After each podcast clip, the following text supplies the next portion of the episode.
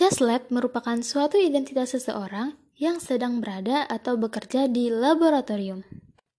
Selain itu, Just Lab juga mempunyai fungsi yang bergaris besar untuk melindungi.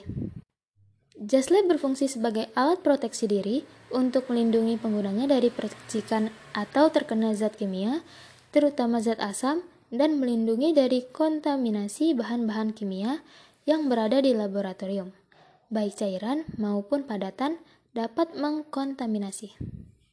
Selain itu, fungsi Just Lab juga dapat memudahkan aktivitas selama di laboratorium. Terlebih, pakaian yang longgar dengan berbagai aksesorisnya tentu dapat mengganggu aktivitas selama di laboratorium. Pakaian hijab juga dapat mengganggu jika menjuntai.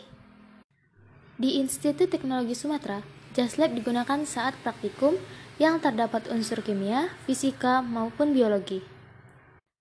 Just Lab di ITERA lebih banyak digunakan oleh mahasiswa TPB karena mata kuliah yang terdapat praktikumnya. Maka, Just Lab menjadi sesuatu kebutuhan bagi mahasiswa untuk menjalankan praktikum sains.